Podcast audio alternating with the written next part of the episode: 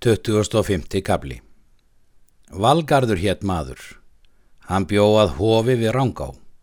Hann var sonur Jörundar goða, Rapssonar hins heimska, Valgarssonar, Ævarssonar, Vémundarssonar Orlokara, Þórólssonar Voganefs, Þrándarssonar hins gamla, Haraldssonar Hilditannar, Hrærekssonar Slöngvanbauga. Móðir Haralds Hilditannar var auður dóttir Ívars Víðfaðma, Haldánarssonar hins snjalla. Bróðir Valgars hins grá var Úlfur Örgóði, er ottaverjar eru frá konir. Úlfur Örgóði var fadir Svarts, föður Lóðmundar, föður Sigfús, föður Sæmundar hins fróða, en frá Valgarði er komin Kolbeitt Nungi. Þeir bræður Úlfur Örgóði og Valgarður hinn grái fóru að byggja unnar og giftist hún Valgarði án ráði allra frænda sinna. En það þótti Gunnari Ítla og Njáli og mörgum öðrum, því að Valgarður var maður grálindur og óvinnsæl. Þau gáttu sér svoner mörður hétt og er sá lengi við þessa sögu. Þá er hann var fullkomin að aldri, var hann illa til frænda sinna og einna verst til Gunnars. Hann var slægur í skapferðum og íllgjarn í ráðum. Nú skal nefna sonu Njáls. Skarpjeðin héttin elsti.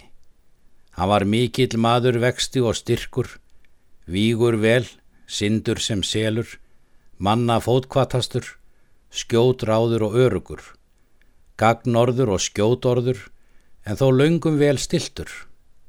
Hann var jarpur og hár og sveipur í hárinu, eigður vel, fölleitur og skarpleitur, liður og nefi, og lág hátt tangarðurinn, munnljótur nokkuð og þó manna hermanlegastur.